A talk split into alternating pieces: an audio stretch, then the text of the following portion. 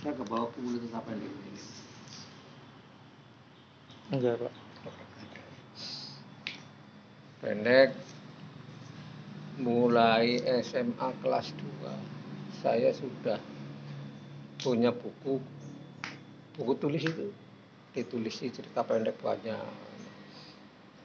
Hanya untuk sendiri bukan untuk diberikan pada penerbit. Kayak kamu kamu ini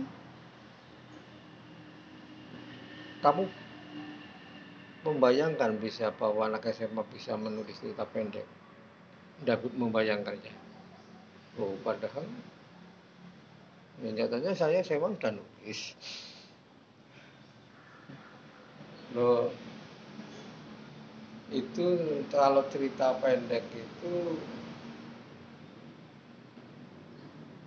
hmm, tentang hal-hal yang terjadi di sekitar kita atau yang kita pikirkan itu ditulis.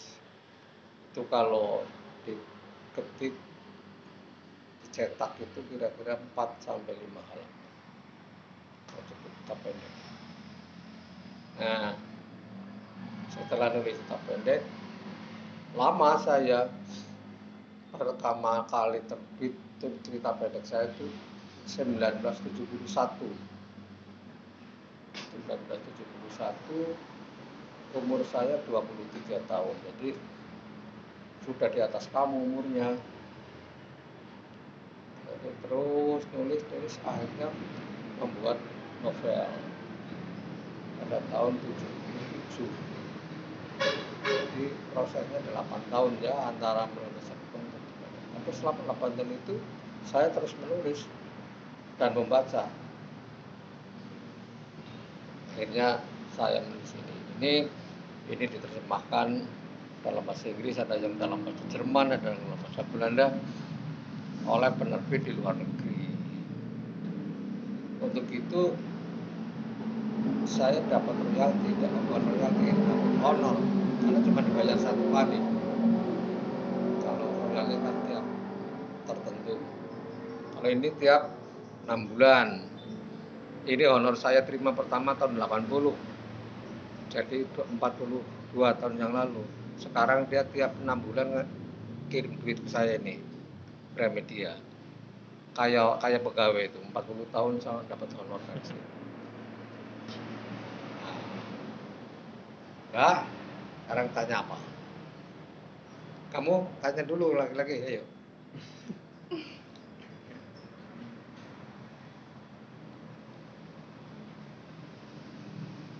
Kalau nggak bertanya nanti ya saya ngomongnya belum tentu yang sedang kamu perlukan. Kamu kamu kasih moderator di kamu.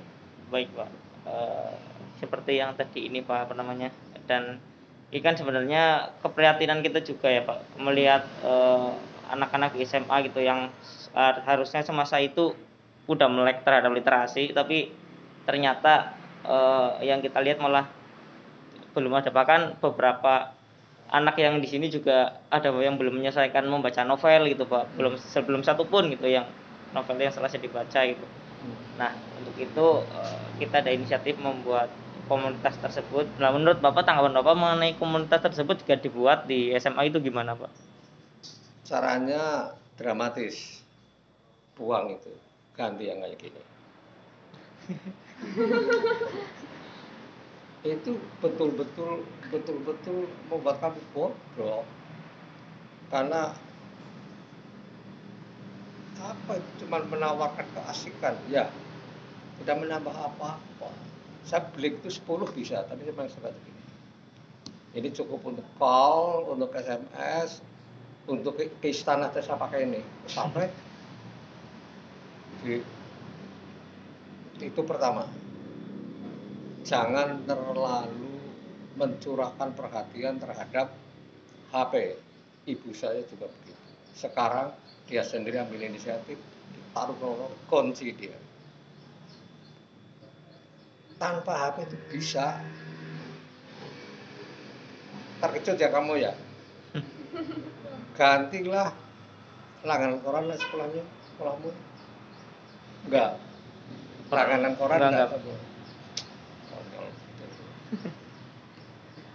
ya itu kembali ke buku kembali ke ini yang yang ini sekedarnya aja gantinya gini. Kalau komunikasi sama teman sama ini sama ini kan begini aja.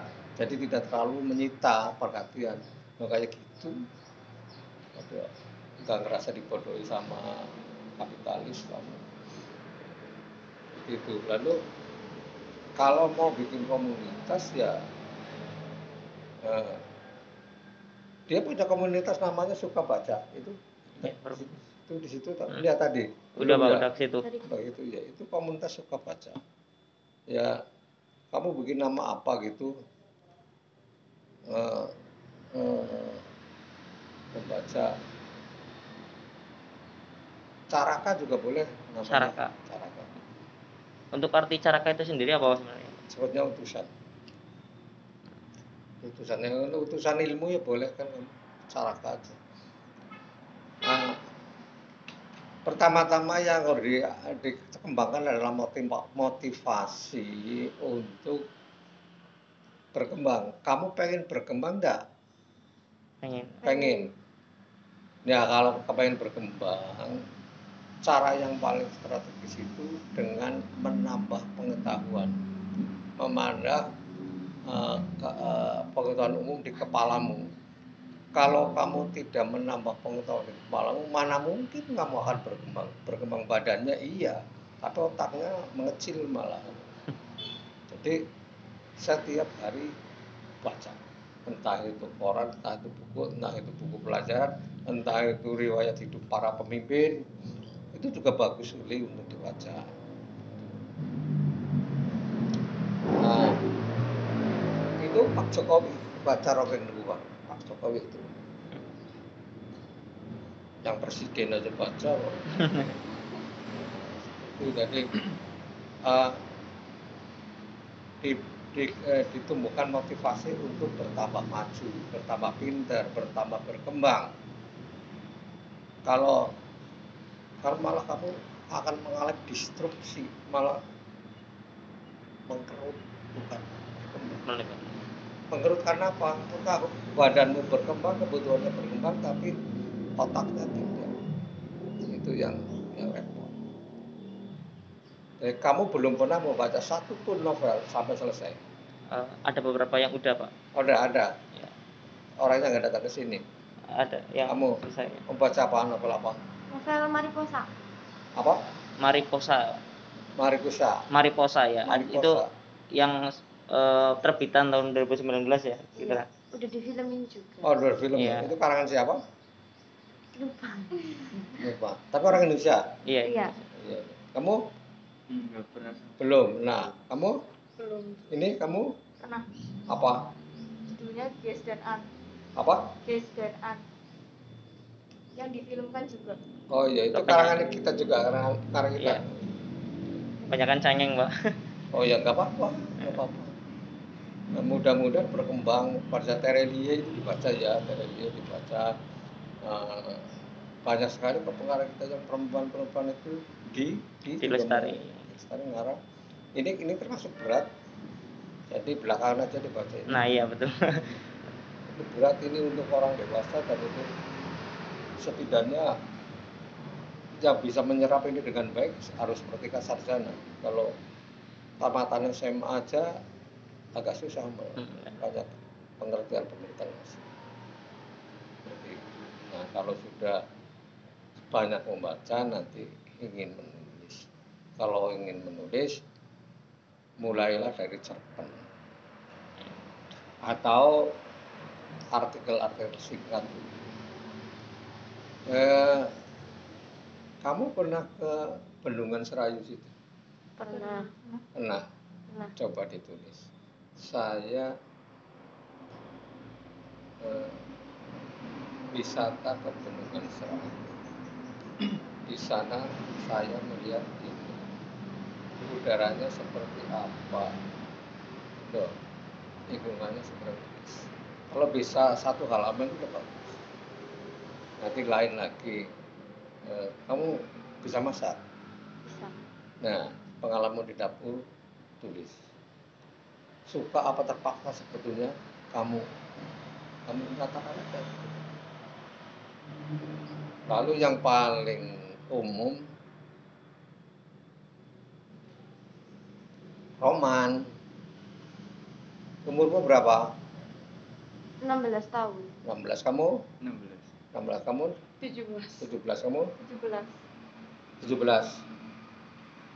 Nah, dulu saya itu kayak kamu itu sudah mulai memperhatikan lawan jenis.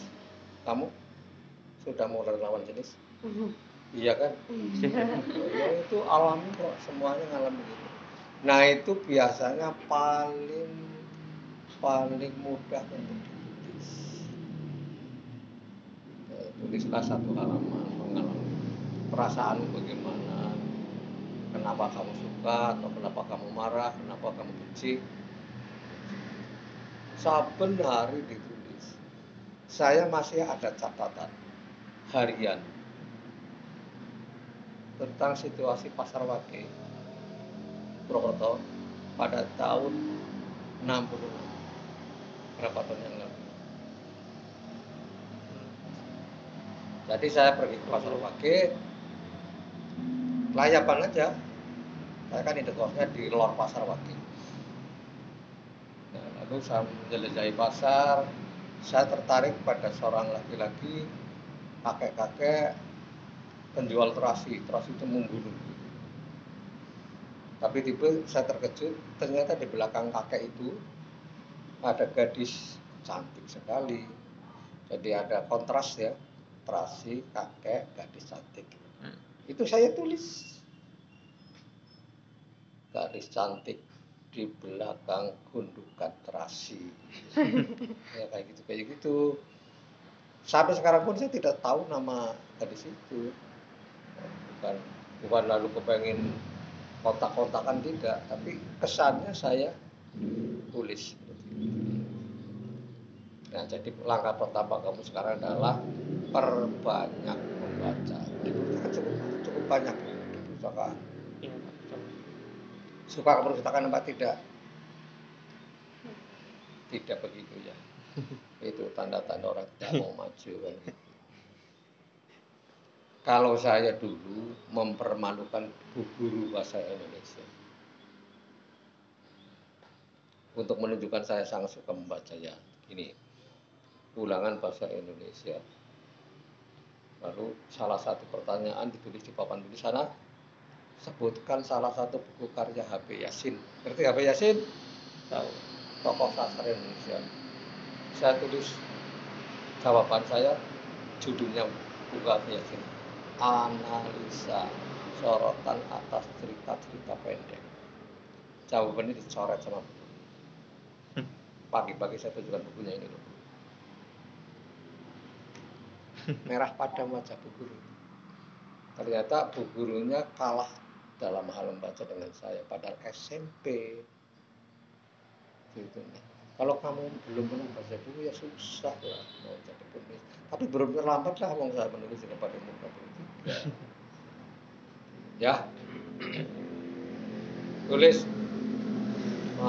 Pelang- pengalaman pagi hari pengalaman uh, siang hari itu.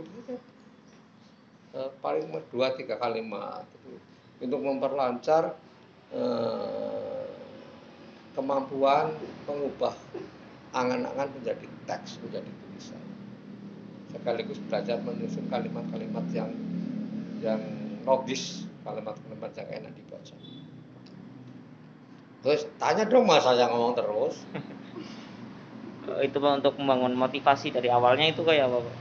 caranya? Caranya itu saya nggak boleh bodoh. Itu Di, mengapa ada dirimu sendiri saya harus pintar saya harus maju. Saya untuk itu semua saya harus membaca.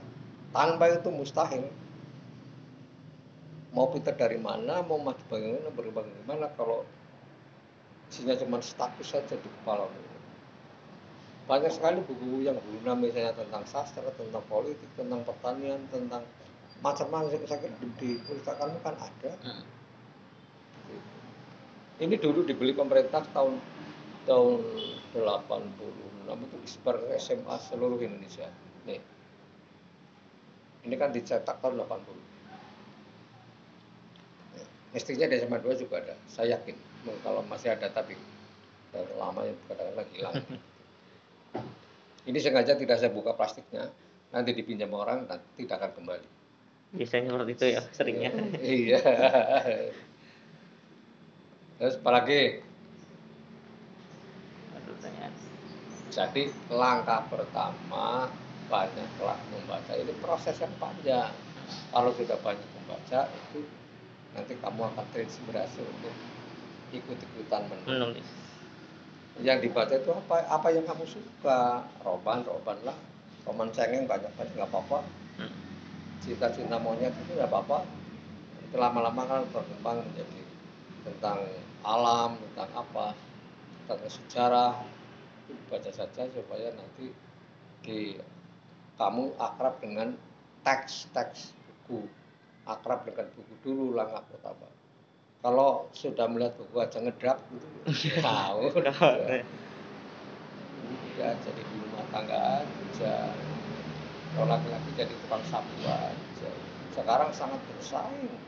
Sangat sangat bersaing. Kalau pendidikan tidak tinggi repot banget nih anak saya ini ya semuanya sangat sangat terpelajar. Dia hidup di tengah lahir dan besar di rumah yang penuh buku. Itu yang pertama itu anak pertama itu magister sosiologi UGM yang kedua Widya ini yang rumahnya ini. Ini magister manajemen. Sekarang direktur bank syariah yang ketiga itu S3-nya di Hokkaido Jepang.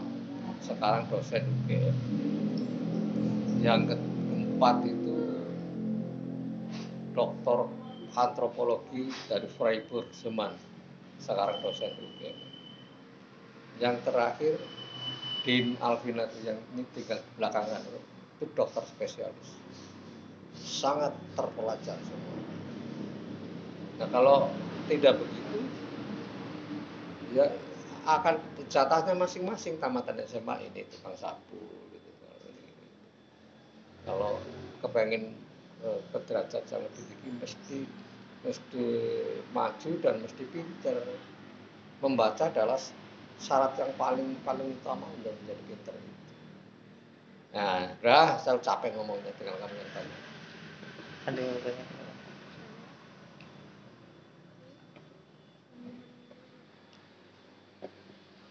Oh, Pak mau tanya kalau biar nahan rasa males buat baca buku itu gimana? Ya, tadi kamu harus uji. Saya mau jadi apa, kepengen saya jadi apa. Kalau kepengen jadi guru juga harus belajar. Pengen jadi perawat juga harus belajar. Kepengen jadi dosen juga harus belajar. Kalau tidak mau membaca, saya akan jadi ibu rumah tangga, ngurusi anak di rumah aja. Jadi di, ditanya dirimu sendiri dulu, pengen jadi apa? Ber- berdagang pun ya juga memerlukan pengetahuan dagang. Jadi, kamu harus membawa dirimu untuk semacam tidak menerima nasib jelek, nasib rendahan itu harus ditolak. Harus punya nasib yang baik, caranya berusaha banyak pengetahuan. Males baca ya. Kadang-kadang males, tapi kadang kalau udah niat ya niat. Enggak. Menurut saya, kamu terlalu akrab dengan HP. Ya betul. Ibu juga saya tegur gitu. Masa hidup berpusat pada HP? Bangun tidur ini mata belum melek. Gitu. Kalau mau tidur, taruh ke bawah saya. Apakah saya terbelakang? Ketik ya ya saya nggak ketinggalan zaman enggak sih. Perkembangan saya tahu jadi ya kalau disuruh ganti awet terang nggak mau kamu pikirkan dulu bahwa bagaimana mengambil jarak dengan HP jadi tidak waktunya habis untuk kamu tahu ya bangsa kita ini punya warisan budaya yang warisan budaya yang konyol yaitu doyan kanda betul? Betul. Kalau saya dalam kanda sehari saya paling susah kalau dapat tamuan don kanda kadang-kadang saya tega mem- membuat mereka pergi. Waktu saya habis. Kan dia tahu bahwa saya udah bosan dengan ngobrolnya nggak ada. Iya. apalagi ngob- ngobrolan itu tentang masa lalu kan. Betul? Tentang kemarin tentang hari kemarin tentang bulan yang lalu itu bukan ya bagaimana kita mau maju kalau kita kepala menghadap ke belakang? Kalau mau kalau ke besok. Besok lusa besok saya mau apa mau apa mau apa. Saya merencanakan apa? Saya membaca baca buku apa? Ini belum saya baca. Besok saya akan baca buku apa? Mau cari buku ke mana? Itu jadi bukan tentang kemarin. Kemarin saya ketemu dia di mana ini.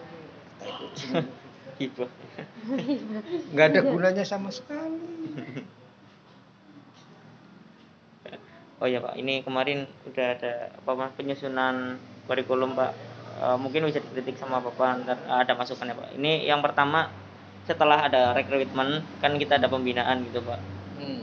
Ada pembinaan terus kayak semacam pembekalan lah, motivasi dan sebagainya gitu. Terus pas minggu-minggu berikutnya nanti eh, ya pertama itu kita jadwalkan untuk membaca puisi Pak.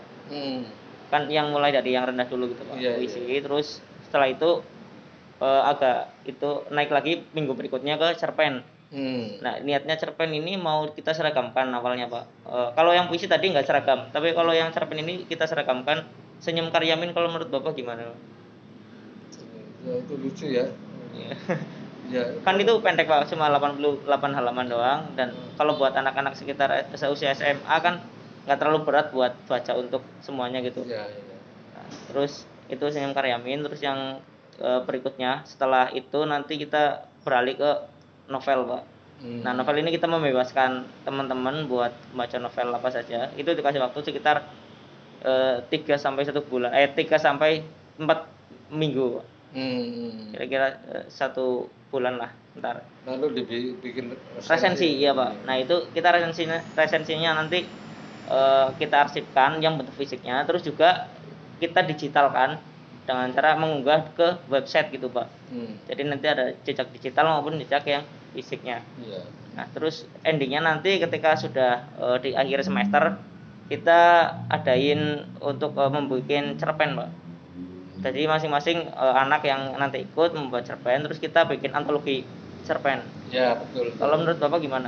bagus itu Eh, cerpen yang penting selesai sebuah cerpen mau dua halaman tiga halaman empat halaman terserah. Nah yang penting selesai lalu nanti dicetak itu akan membuat anak percaya diri kalau sudah melihat karyanya dalam bentuk cetak. Pencetakan sekarang mudah sekali. Nggak kayak dulu siapa cetak itu harus ke Jakarta ngantri kayak bagus bagus. Nah, nah, bi- bikin puisi itu dibebaskan cerpen aja dibebaskan nggak apa-apa Yang yang baca itu, Pak. Ah, Baik, Pak. bisa, bisa. saya sampai sekarang nggak bisa disuruh nulis cerpen atas pesanan orang Bebas ya, Pak. ya, karena harus keluar dari diri kita sendiri Oke. Apalagi pertanyaanmu suka dukanya jadi pengarang Iya, jadi nggak enaknya itu mengawali karir pengarang itu harus bisa menerima kemiskinan karena saya mungkin tiga tahun tidak punya penghasilan. Saya nunut penghasilannya ibu, ibu kan guru, jadi dia punya gaji. Kemudian baru empat tahun lalu saya mendapat honorarium dari Kompas. Kita pendek saya Kompas. Kemudian novel saya di kaki bukit Cibalak dimuat di Kompas. Itu honornya besar. Kalau ini sudah dimuat bersambung di Kompas sudah dibukukan diterjemahkan ke dalam lima bahasa asing difilmkan dua kali ini duitnya banyak. Dan karena buku ini saya dua kali ke Amerika dan tiga kali ke Jerman dan Belanda. Naik buku ini. Itu kerennya orang jadi penulis. Eh, nama saya masuk sebenarnya Nah, iya banyak pak. Karena karena buku ini orang bisa mengakses data saya dari seluruh dunia. Di mana-mana orang bisa mengakses data saya. Karena buku ini hmm, dianggap men- memenuhi standar sastra dunia bukan sekedar sastra Banyumas Hmm. Indonesia. Ini memenuhi standar sastra dunia. Di diterjemahkan ke dalam lima bahasa Ah. asing. tapi untuk yang bahasa asing itu bapak dapat royalti nggak pak? Dapat bukan royalti honor sekali honor sekali ya tadi kan eh, saya Gramedia sama orang asing itu kalau dikasih itu ada tanda perjanjiannya Kontrak. dan saya digaji sekali saja sekali dibayarkan sekali tok. ya lumayan lah karena 10 juta. dolar. dulu dulu kalau yang dari anu masih dari Belanda masih dan kalau dari Jerman masih mark sekarang euro. Hmm. keren kan? Keren ya namanya melambung di untuk ukuran dunia bukan hanya ini. Dan dan terus saya tekan kamu pun bisa kalaupun itu proses seperti saya. Banyak membaca Iya, banyak membaca, kemudian nulis, lalu eh, ber- berpikir tentang lingkungan yang ada di sekitar kita, tentang masyarakat kita, tentang negara kita. Kita kita pilihkan. Jangan gini, jangan mengalir gitu. Urip ke kayak milih baik, nggak bisa gitu. Kita harus aktif melawan arus malah ya untuk memper eh, apa memperkuat eh, kemampuan kita kita mesti aktif. Oh ya, oh ya Pak, mau tanya juga Pak terkait kalau misalkan saya buat cerita ya Pak, cerpen gitu. Saya eh, memang ada bayangan gitu. Misalnya salah satunya eh, tentang orang yang memakai sajadah lebar gitu Pak. Oh, apa? Memakai sajadah yang lebar. Ah, Nah, itu kan masing-masing orang kalau misalkan pakai sajadah lebar itu justru tidak merapatkan soft Iya. misalnya. ah. Nah, dari situ terus itu kan udah udah udah di itu tuh, Pak. Tapi saya bingung untuk endingnya, Pak. Hmm. Kalau di Bapak kan biasanya endingnya itu gerentes, Pak. Hmm. Ada maksudnya kadang-kala nak bi- bisa bikin nangis apalah Hmm. gitu. Nah, eh, nah, saya bingung sama endingnya doang itu, Pak. Itu kalau menurut Bapak gimana? Ini pelakunya anak-anak aja gitu. Nanti eh, pulang dari sholat Jumat atau itu dia menggunting sajadahnya menjadi dua. Dramatis kan? Ya. Kok digunting? Iya ini terlalu nggak rapat gitu. Tapi kayak kepikiran ya, Pak. ya. saya belum kepikiran sama, sampai ke situ. Dan bapaknya kan nggak bisa ngomong apa-apa. Iya. gitu. Itu Pak, orang-orang itu sebenarnya nggak rapat itu nggak itu sunnah Nabi itu tetap seru itu. Nah, ya cuma itu doang Pak. biasanya bingung sama endingnya doang gitu pak dari awal cuma oh, ada gambaran tapi nggak ada imajinasi buat eh, kayak gambarin gitu kayak gitu. iya ya. pak Masa mau menghubungi produsennya gunting aja ada kritik sosial juga sebenarnya kan di situ Kalau saya itu pakai sufi. Saya pa- pakai sajadah itu kalau badan nggak enak, kan dingin. Hmm. Maka saya pakai sajadah biar nggak dingin. Tapi kalau lagi sehat nggak mau. Kenapa? Saya ingin dahi saya menyentuh bumi. Tanda rendahnya saya di depan Allah. Itu saya memanjakan mukamu mau jelas gitu kan itu kan bagian dari sikap sufisme sebenarnya Iya. ya habis izin tanya pak sekedar ingin tahu sih pak Eh, berawal dari apa sih pertamanya sampai bapak eh, se di titik ini? Terus apakah dari muda itu bapak itu dan niat mau jadi sastrawan atau gitu atau lainnya? Tidak. Saya pok saya jebolan fakultas kedokteran. Jadi tamat SMA saya masuk fakultas kedokteran. Cuma tidak selesai. Karena dulu orang tua saya kan petani. Tahu ya rumah saya Alfalasan itu? Iya. Nah, kuat membiayai di fakultas kedokteran jadinya berarti kijang nah, sebetulnya saya menulis itu waktu itu itu meneruskan hobi. Saya tadi bilang sejak SMA saya sudah bikin catatan harian banyak sekali bikin cerpen-cerpenan pendek-pendek banyak sekali. Jadi ketika saya drop out dari fakultas kedokteran saya akan limbung. Bingung mau apa? Nah itu. Mulai diseriusi nulis cerpen dan ketika dikirim ke orang ternyata dimuat dapat honor kan jadi ketagihan. Seperti itu. Tapi awalnya memang harus suka baca. Kalau soal baca saya ini ekstrem. Belum masuk SD SD saya udah bisa baca koran. Belum masuk SD karena dibimbing oleh kakak-kakak saya. Kalau kasar lagi baca koran ki apa ki apa ki apa lama-lama bisa baca sendiri dan ini jasa bapak saya karena bapak saya pada tahun 1955 saya umur 7 tahun bapak sudah langganan koran. Langganan koran terbitan Jakarta sampai ke Tiga Jaya satu minggu. Jadi terbitan tanggal 7 eh tanggal 1 sampai di rumah tanggal 7 tapi kan terus saben hari ya jadi kayak bersambungan terus. Jadi suka baca motivasi ingin tahu jadi kalau kepengen menjadi pengarang harus punya rasa ingin tahu yang tinggi kalau dan harus kita ke belakang eh, menghadap ke bel- jangan menghadap ke belakang kita harus menghadap ke depan sikap jiwa kita menghadap ke depan belakang Gitu. akhirnya eh, walaupun saya resminya cuma tamat SMA kalau diadu dengan tamatan SMA sekarang kalah jauh. karena apa? Setiap hari saya baca. Ini hari ini saya nanti saya tadi sudah baca Kompas dan Suara Merdeka. Pagi itu jam berapa nih? Jam Jam sembilan. saya sudah baca dua orang. Satu lagi buku PKI satu lagi buku tentang eh, ensiklopedia agama. Di atas meja sekarang buku itu.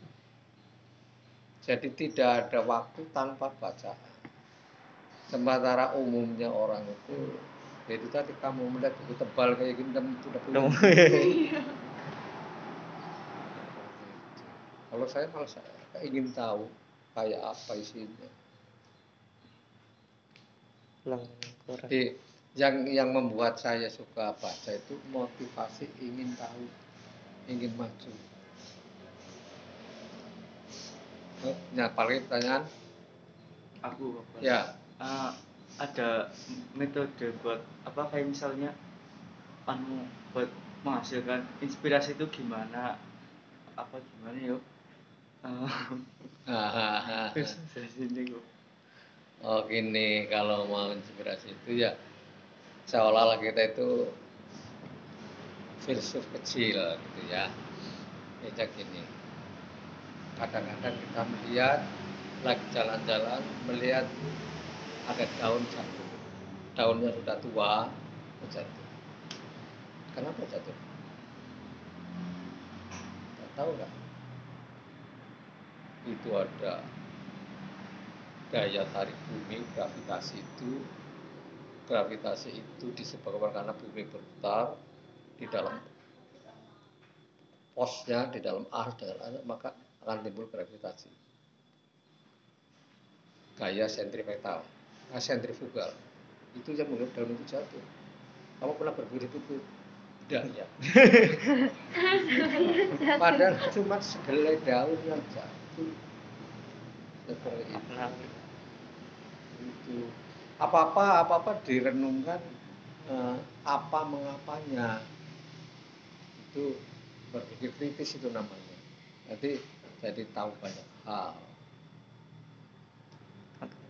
Ah, Itu, kalau, kalau baca bapak ini baca koran sih biasanya eh, di kolom apa aja pak atau semuanya di bapak baca gitu, semua kolom Nah, saya pertama kali berita berita yang hangat, berita yang eh, berita yang keras tentang politik, kemudian juga eh, berita kriminal saya baca, yang berbau ekonomi ekonomi belakang.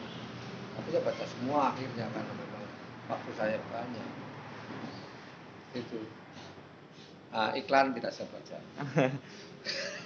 Nah saya bingung juga kalau misalkan baca koran itu kadang-kala pembagian waktunya gitu. Pak kan ada eh, kuliah ada tugas ada baca buku saya juga masih ada tanggungan gitu pak. Terus eh, kalau baca koran akhirnya belum terlalu itu ap- apalagi kalau langganan gitu pak. Saya juga uangnya ter- terbatas gitu pak buat langganan. Nah, iya, mau mending sekolahnya langganan, sekolah langganan banget.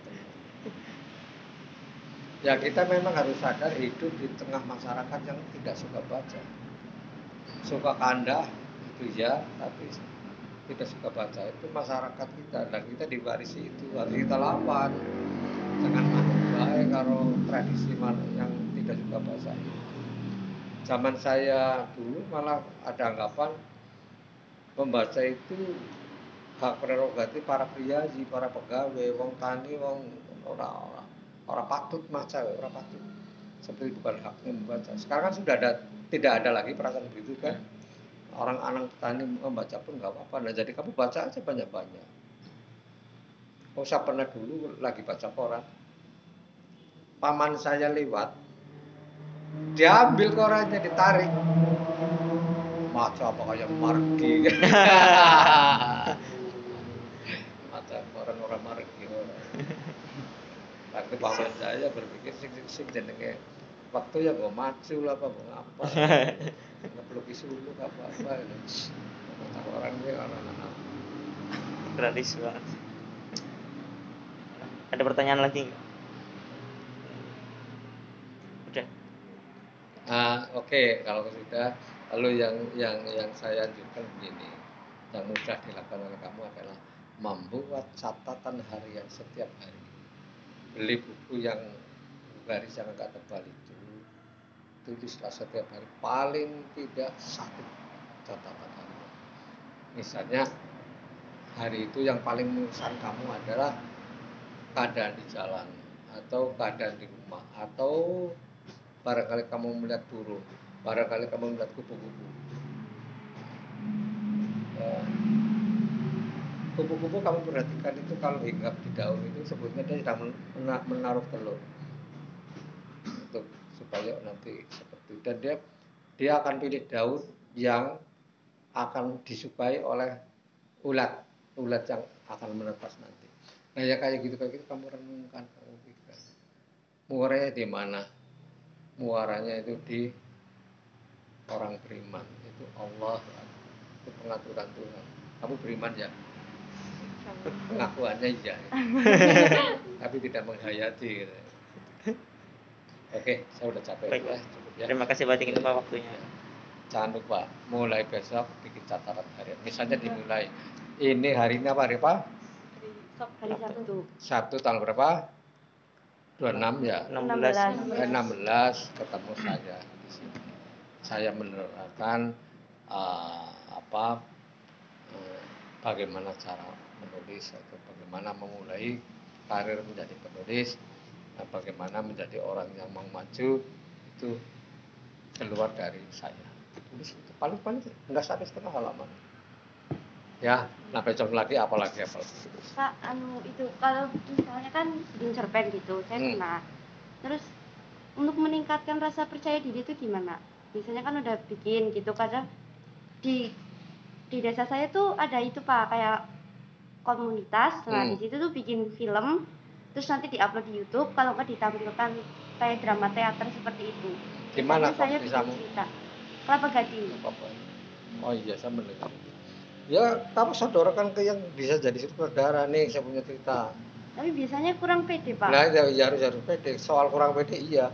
Saya dulu gemeter ketika mengetuk pintu harian kompas saya gemeter. Mak rasanya mau mundur aja mau balik aja. Untuk tiba-tiba buku pintu itu terbuka dan keluar orang. Jadi saya bisa serahkan itu eh, gemeter terus. Sampai ditegur kok gemeter? gitu. Nah, terus untung untungnya eh, naskahnya ternyata diterima di Kompas dan dimuat bersambung. Dan akhirnya saya tidak gemeter lagi berikutnya. Berarti tulisan saya sudah bisa diterima di sebuah media. Lawan itu harus bagaimana harus dilawan. Semua orang tadinya minder pasti. Pasti bukan hanya kamu. Paham? Oke. Dah ya udah ya oke. Selamat belajar selamat menulis selamat berkembang. Nah, menulis adalah sarana utama untuk berkembang. Assalamualaikum warahmatullahi wabarakatuh. Waalaikumsalam. Oke ya. Terima kasih Pak.